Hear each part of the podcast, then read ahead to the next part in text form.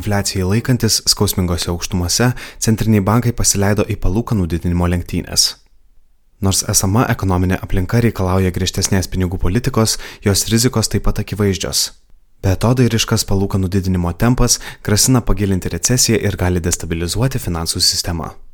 Europos centrinis bankas per paskutinius kelius susirinkimus padidino palūkanas nuo neigiamų minus 0,5 procentų iki 0,75 procentų. Rinkoms tikintis, kad per kelis artimiausius pinigų politikos susirinkimus palūkanos didės panašių tempų, bazinės palūkanos kitais metais viršys 3 procentus. Eurozonos ekonomika sviruoja ant recesijos ribos. Naujausi pirkimų vadybininkų indekso duomenys signalizuoja, kad pastaruosius porą mėnesių ekonomika traukėsi. Aukštos energijos kainos ne tik kerta per vartotojų kišenę, tačiau neretai verčia įmonės pristabdyti savo veiklą ir tai Europos ekonomikai sukelia įvairiapusį spaudimą. Įprastai centriniai bankai akcentuoja, kad jų politika yra orientuota į vidutinį laikotarpį ir nuo sprendimo pakeisti palūkanas iki tokio veiksmo poveikio infliacijai gali praeiti net iki dviejų metų. Todėl tokia aštri reakcija į dabartinę infliaciją netitinka Europos centrinio banko logikos. Infliacija Europoje yra bene išimtinai energetikos šoko padarinys.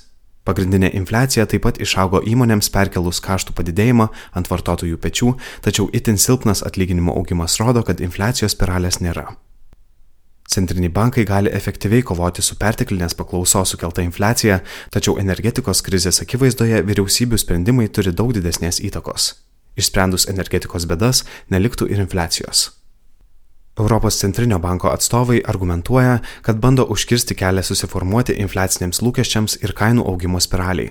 Tačiau dauguma vidutinio laikotarpio infliacijos lūkesčių rodiklių nerodo reikšmingo padidėjimo. Aukštesnės palūkanos gali pristabdyti tolesnį euro pigimą ir taip sumažinti importuojamą infliaciją, tačiau valiutos kursas neturėtų būti Europos centrinio banko prioritetas.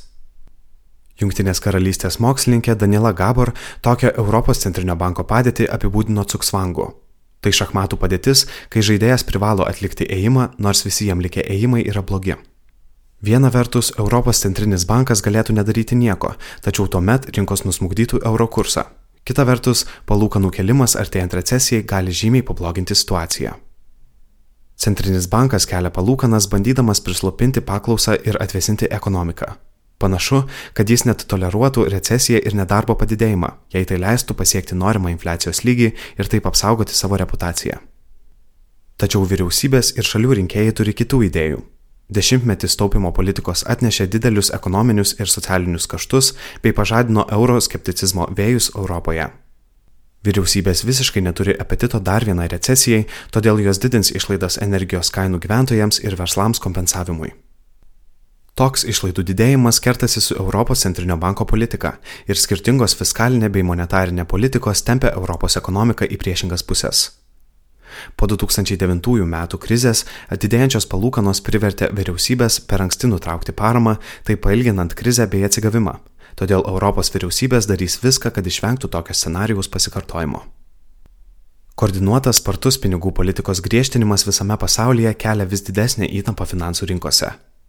Daugelis turto klasių dėl padidėjusių palūkanų nukraujavo dešimtimis procentų, o tai ne tik mažina gyventojų turtą ir finansinį užtikrintumą, bet ir didina rizikas finansų sistemoje. Šiandien pasaulio ekonomika yra daug labiau įsiskolinusi. Dešimtmetis itin mažų palūkanų skatino verslus ir gyventojus padidinti savo finansinį svertą. Namų ūkių ir nefinansų bendrovių skola daugelįje pasaulio šalių viršyje 100 procentų BVP. Kuo didesnis skolos lygis, tuo didesnis ekonomikos jautrumas palūkanų normų pokyčiams. Todėl didėja rizika, kad vis daugiau įmonių pasaulyje susidurs su problemomis, bandant refinansuoti savo skolą ir tai gali išprovokuoti paniką rinkose. Kitas reikšmingas veiksnys yra tai, kad obligacijos naudojamos kaip užtatas likvidumo užtikrinimui. Įtin sparčiai krentant obligacijų kainoms, įmonės ir finansų institucijos vis dažniau susidurs su likvidumo problemomis, nes neturės pakankamai kokybiško užstato finansavimui užsitikrinti. Tokiu būdu finansų sistema patiria dvigubą spaudimą dėl griežtesnės pinigų politikos. Taip sparčiai griežtinant pinigų politiką tikėtini itin didelio masto rinkos viravimai, kurie gali peraukti neteimokumo problemas. Centriniai bankai ir toliau didins palūkanas, tačiau bus priversti atsižvelgti į sisteminės rinkų ir viešųjų finansų rizikas. Anglijos bankui jau teko įsikišti į obligacijų rinką ir užkirsti kelią finansiniai suirutei. Netmestina, kad ir Europos centriniam bankui teks panaudoti obligacijų pirkimo įrankius viešiesiems finansams stabilizuoti.